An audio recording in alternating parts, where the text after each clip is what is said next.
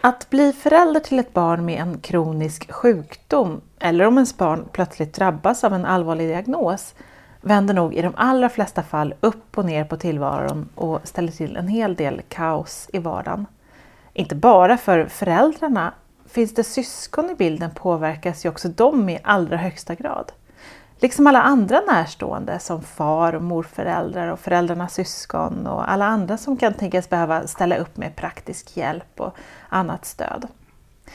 Idag ska jag träffa hemofilisjuksköterskan Linda Murin Westesson på Koagulationscentrum i Göteborg som intresserat sig alldeles särskilt för hur man kan hjälpa familjer i den här situationen när deras barn konstaterats ha hemofili.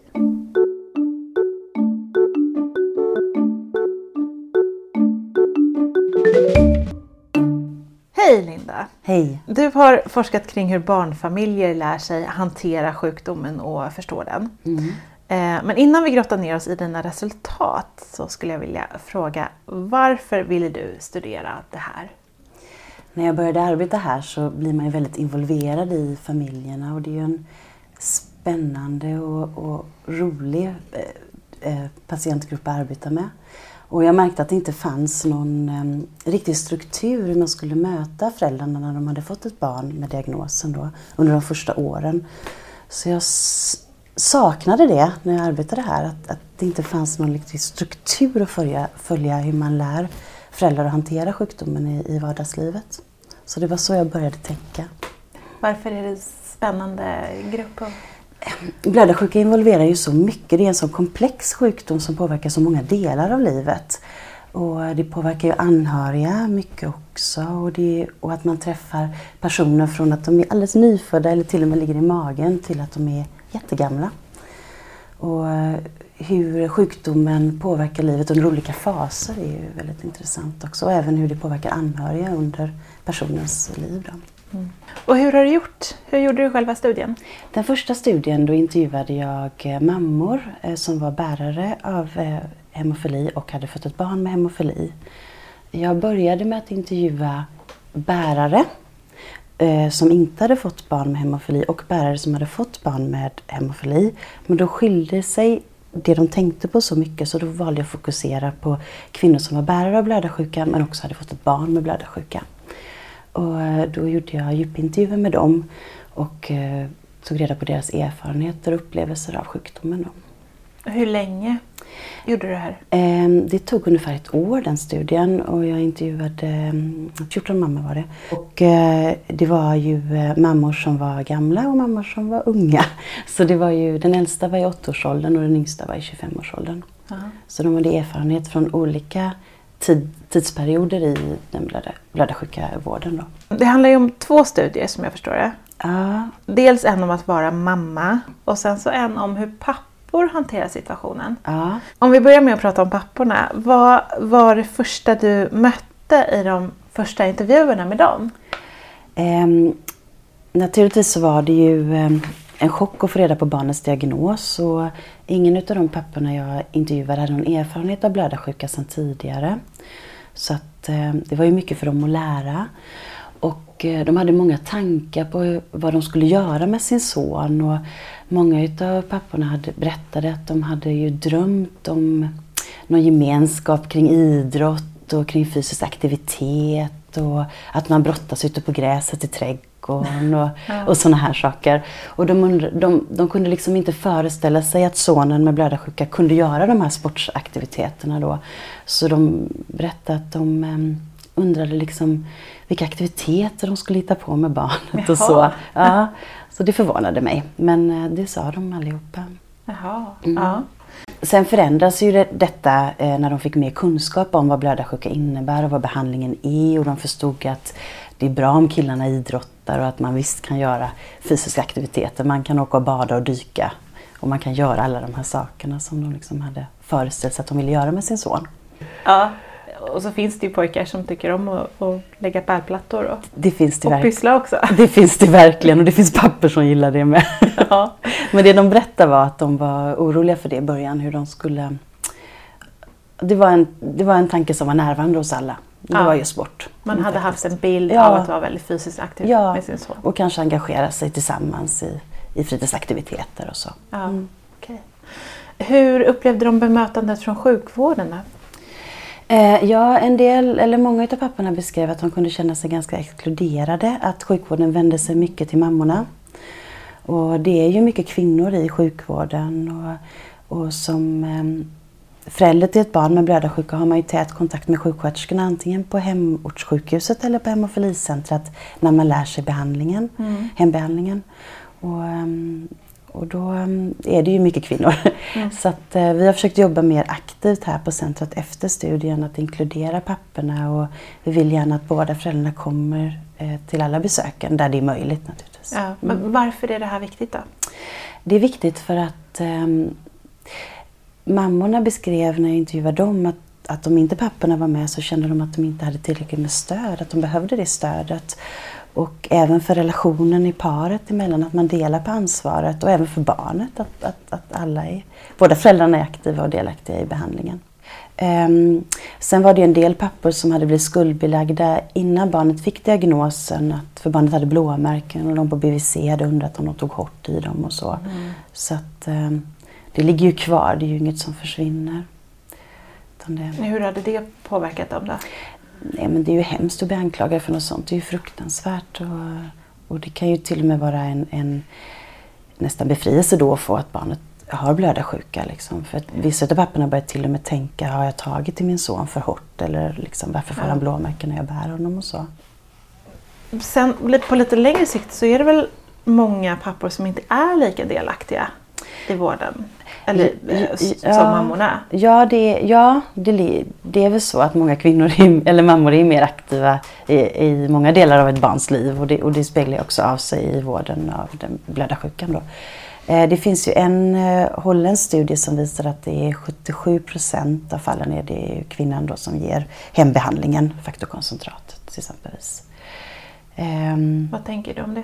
Nej, jag, jag tror att det inte är riktigt så i Sverige. Jag tror att det är mer jämställt här.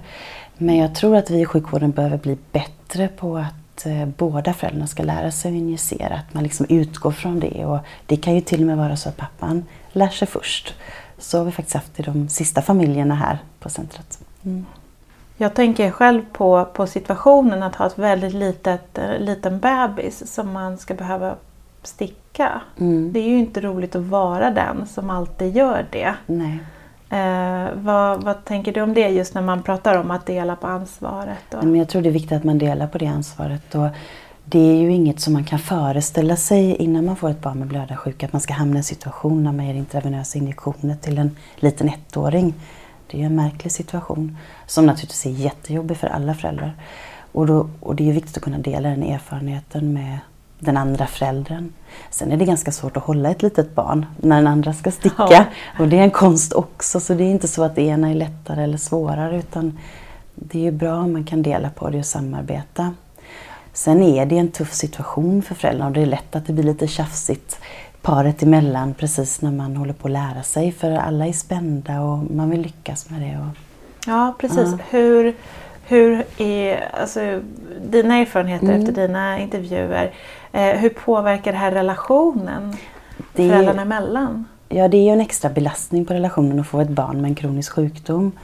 Och eh, jag tror att blödarsjuka ger en ganska stor belastning eftersom det kräver en tät behandling och att samtidigt som man är i den här kaosen med barnets diagnos så måste man också lära sig för att kunna hantera sjukdomen så måste man lära sig hur faktorkoncentratet fungerar i barnets kropp, vad man ska göra om barnet blöder, vad barn, vilka situationer barnet ska undvika och vad som går bra. Och man måste lära sig att ge de här intravenösa injektionerna. Och det är ju en balansakt när man är i den här krisen och samtidigt så måste man lära sig. Eh, och sen sticka sitt barn. Det gör ju inte ont för vi använder ju bedövningskräm och så. Men man måste ju hålla barnet och det är svårt att hitta venerna för de är små. Mm. Mm. Ja, så lägger man till att man dessutom är mitt i småbarnsåren. Ja, och är trött och så. så Ja. det är ju, och ska få jobbet och, och, och inskolningen på förskolan att fungera och kanske syskon och så. så Ja. att, Ja, Mm. Tufft. Om vi ska prata lite om mammorna i studien då. Mm. Eh, de är ju förutom föräldrar till pojkar med hemofili, Mm.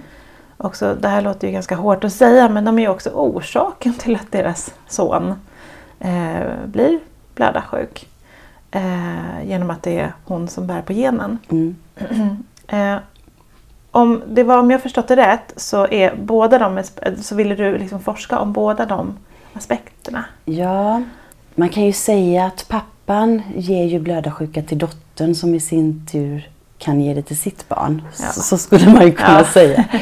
Eh, men eh, många kvinnor uttryckte ju en skuld att de hade fört över sjukdomen. Det var ju ehm, lite, möjligen lite tydligare hos de kvinnorna som var lite äldre.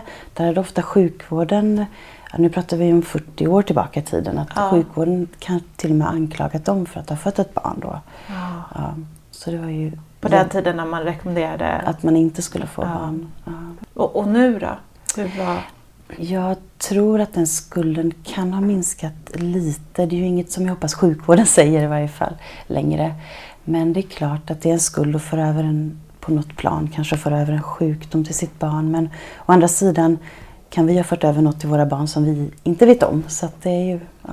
Vi har väl, de flesta av oss har väl väldigt många ja, sjukdomsanlag. och gener. Ja, det- mm. Precis. Om man jämför deras tankar kring det här, var de annorlunda på något sätt jämfört med, med pappornas? Inte så stor skillnad utan papporna berättade mer det här att, att många kunde ångra, ehm, även om barnen bara var 15 år eller så, så kunde papporna ångra att de hade jobbat så mycket när de var små, att de inte hade varit mer aktiva i vården. Till exempel i profylaxbehandlingen eller, jag intervjuade ju bara pappor och mammor till barn med svår blödarsjuka. Ja. Så det är ju stor skillnad mot mild. ja. Eh, Men eh, papporna kunde säga att de ångrar att de inte var mer aktiva i början, att de inte stöttade mammorna mera, att de inte delade jämnt på det helt enkelt. Och de här barnen behövde inte vara så stora för att papporna skulle säga det. Och, och varför ångrade de det då? Vad var det de... Nej, I vissa fall så trodde de att det hade lett till att paret hade skilt sig, till exempelvis. Och sen att de efterhand kunde förstå hur tufft det måste ha varit för deras eh, partner då, under de här åren. Ja. Och mammorna upp- de ehm, beskrev ju den här skulden på ett annat sätt som inte papporna beskrev. Då. Var det skillnad på hur mammorna hanterade vardagen med, med sitt sjuka barn jämfört med hur papporna gjorde det? Ehm, jag har inte tittat så mycket på skillnader men jag har gjort en tredje studie där jag följer barnfamiljer som eh, lär sig att ge profylaxbehandlingen så jag har följt dem under ett år. Ja. Det är nog inte så stor skillnad. Möjligtvis att papporna beskriver att de mer kan gärna fly in i praktiska detaljer kring logistik, hur de ska ta sig till hemofilicentret för behandlingen och förskolan och lite sådana saker. Och det beskriver inte mammorna riktigt lika mycket. Och sen så, men det är ju sådär klassiskt, mammorna beskriver mer att de har behov av att prata med vänner och familj och så, men jag vet inte vad som är... Ja. Medan papporna ja, löser men det blir så könsstereotypt så det är nästan tråkigt att säga. Ja. Ja. Ja. Alla vet ju förstås inte om, om i förväg att de väntar Nej. ett barn som kan få hemofili. Mm. Eh, det finns ju eh, fall där sjukdomen uppträder spontant. Absolut. Mm. Har det någon betydelse för hur man hanterar barnets diagnos? Jag tror inte att det har så stor betydelse. Men om man, för man kan ju ha hemofili i släkten men man inte har vuxit upp med, med blödarsjuka hemofili. Ja.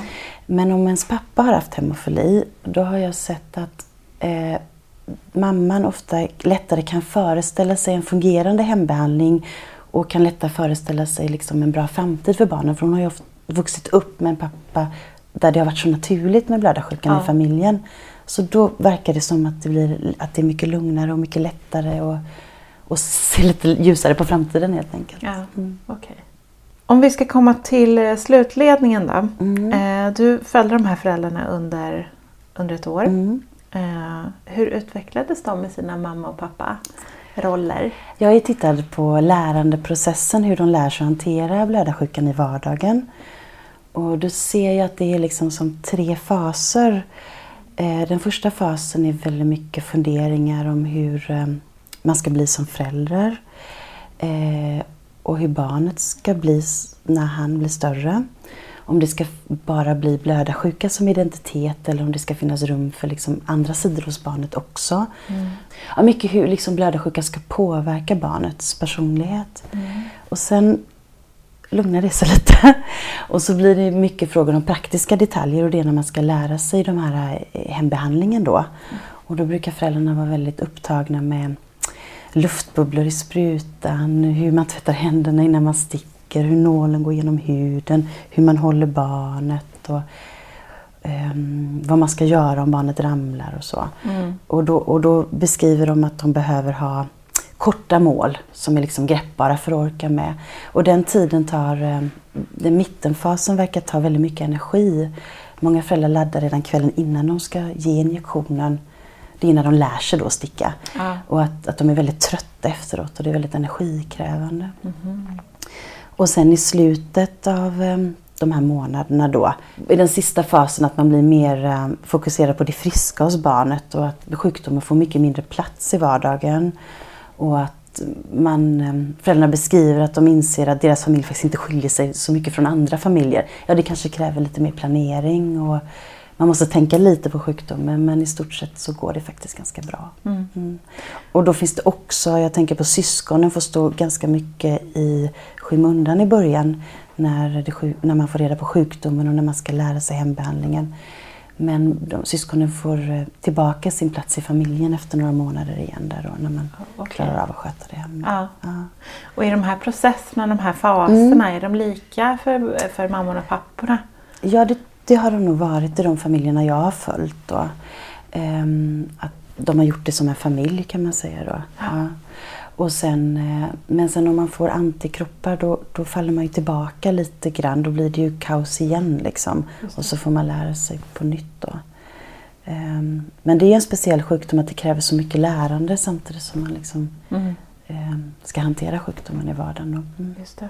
Som att gå en extra utbildning? Och ja, verkligen. Man mm. ställs inför liksom en värld man ofta aldrig har mött innan. Och, och um, hemofili är ju ingen känd sjukdom så det är ju inget man har så mycket kunskap om oftast innan. Då. Just det. Mm. Det är ju inte bara heller eh, föräldrarna som ska lära sig Nej. utan alla runt omkring. Man Absolut. måste bli utbildade också, ja. eller hur? Ja. Man får ju berätta för sin familj och för förskolan och för vänner och sen för barnets eh, vänner om man ska gå hem med kompisar efter dagis ja. eller skolan och så. Så man får ju... Föräldrarna blir experter på sjukdomen och de blir ju jätteduktiga på den och verkligen bra på liksom att förklara och så för andra vuxna runt barnet. Mm. Mm.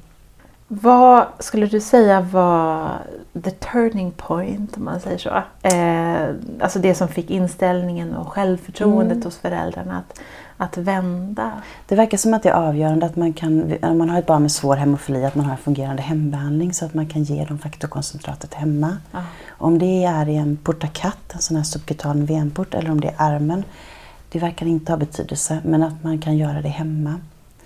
Eh, för att eh, då tar sjukdomen mindre plats i vardagen och i det dagliga livet och man slipper åka till eh, hemofilicentret eller det lokala sjukhuset och få injektionerna. Och om det händer något med barnet så kan man snabbt ge en extra behandling och så. Mm.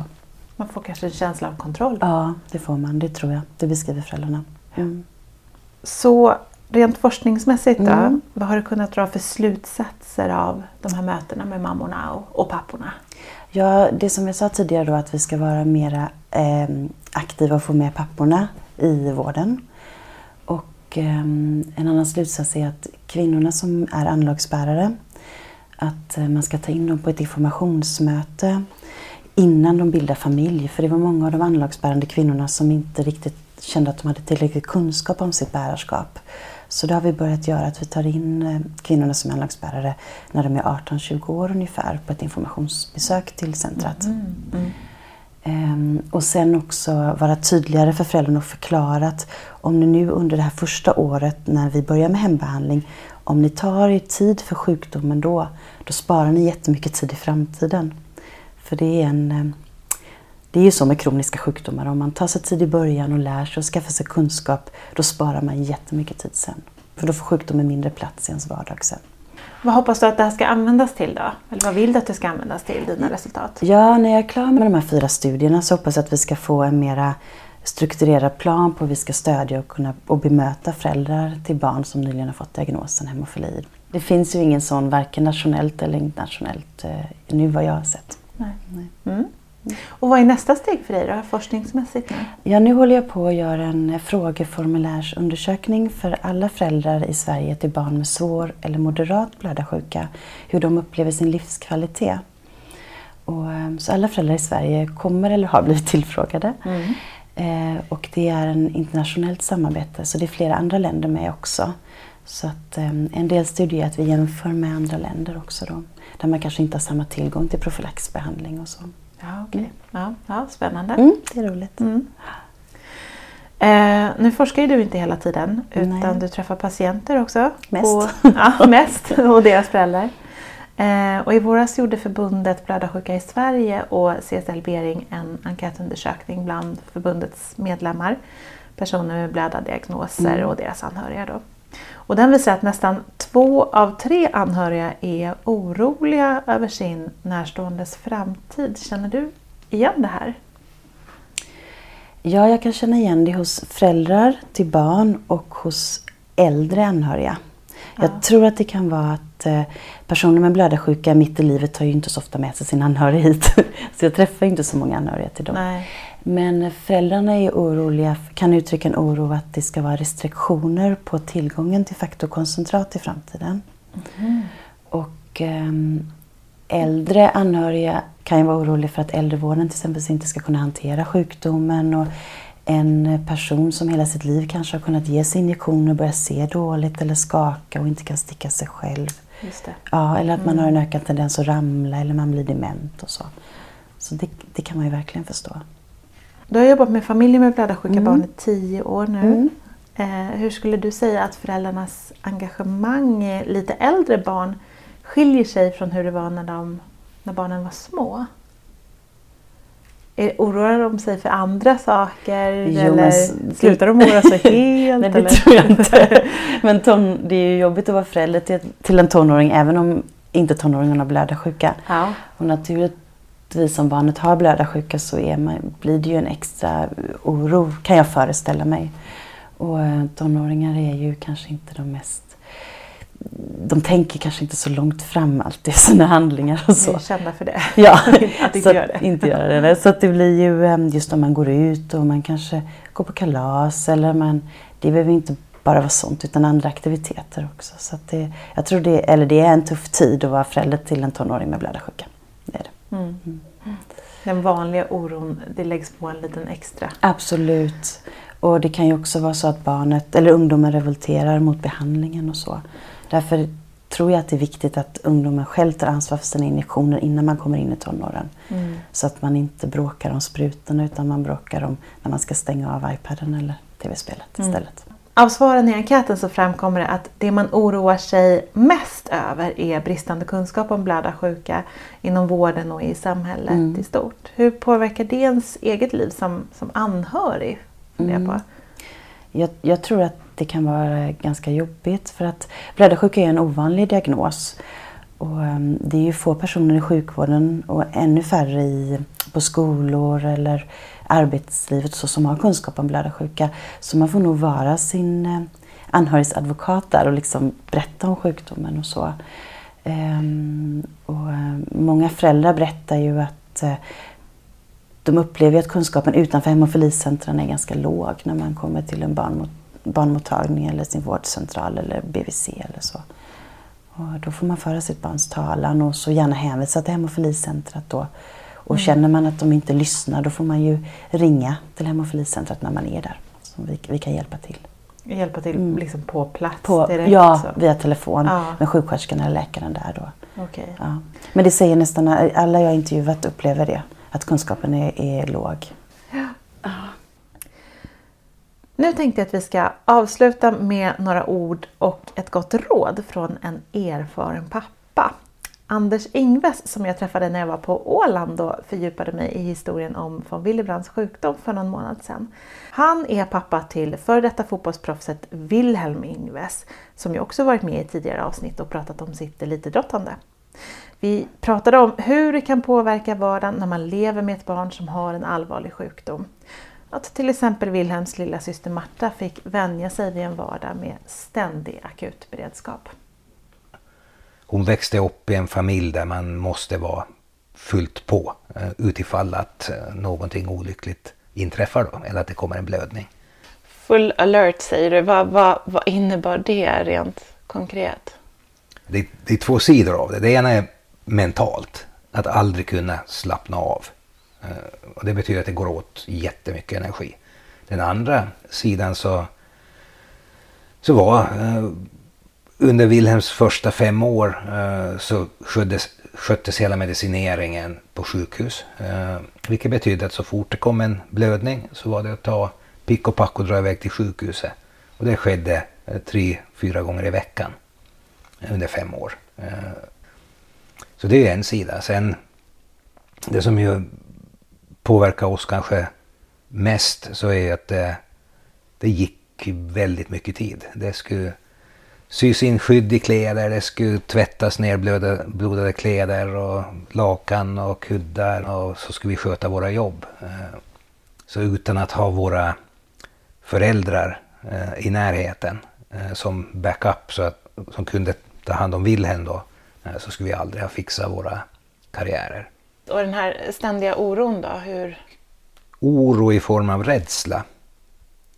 Den ska jag säga att vi inte hade. Utan det var mera att vara beredd på att stoppa nästa, nästa blödning. Eh, så, att, så vi gick inte runt och var rädda. Men vi gick runt och var beredda. Eh, och det tror jag är en jättestor skillnad. Eh, det är jag glad att vi inte gick och var rädda då. Men att gå runt och vara beredd. Du nämnde att er, er dotter hade påverkats av det här att ni var beredda hela tiden. Hur då? Det, det är mera som vi har sett senare. Um, hon, hon, är lättskrämd. Uh, lättskrämd är man ju för att man har ett påslag att någonting kan hända. Mm. Uh, om du är trygg på miljön runt dig så kan man ju slå vilken påse som helst bakom ryggen och du hoppar in till. Men är du helt beredd på att du måste agera så då flyger du upp från stolen om någon slår på sen. Idag är ju Wilhelm vuxen och bor långt, långt borta från Åland. Hur förhåller du till den här, är du fortfarande på, på alerten på det sättet? Beredskap, beredd? Jätte, jättesvår fråga. Eh, om, om vi är i beredskap på grund av att han har von Willebrandt eller om vi är det för att han är Wilhelm och vår, vårt barn. Mm. Jag skulle säga att det är mera för att han är vårt barn. Det är samma beredskap för Marta eh, som, som då inte har de problem med von Willebrand som Wilhelm har haft. Så att, eh, nej, jag, jag, jag, tror inte att, vi, att det är en följd av sjukdomsbilden utan mer att det är våra barn. Mm. Jag kan tänka mig att den här situationen också kan tajta till en som familj. Håller du med om det? Var det så för er? Um, det blir på ett sätt ett gemensam motståndare då och det tajtar ju ihop. Men eh, när vi fick diagnosen eh, på Wilhelm eh, då berättade vi det åt våra vänner och så här. Och då var det en som sa nu ska ni se upp eh, för det här kommer att driva dig Anders och Bettina min hustru från varann. Jaha, så här, vad, hur, hur tänker du nu? Ja, ni ska träffa en, och nu kommer jag inte ihåg vad hon hette, hon var eh, psykiater på Danderyd. Ni ska träffa henne. Hon är suverän att berätta hur olika man hanterar sorg. Och jag, ni kommer att känna jättemycket sorg över alla de drömmar ni hade runt Wilhelm och framtid och sånt här. Men ni kommer aldrig att sörja samtidigt. Eh, och det var ett råd som har hjälpt oss så att vi har tillåtit eh, olika timing i, i sorgarbete. Och, och det, har, det tror jag har varit viktigare att binda ihop oss än sjukdomen som sådan.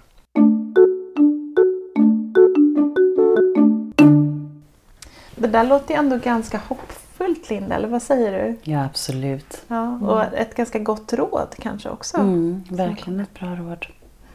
Man hade tur som fick den. Mm. Mm. Tack Linda Marie Westersson för att du var med idag. Tack snälla för att jag fick vara med.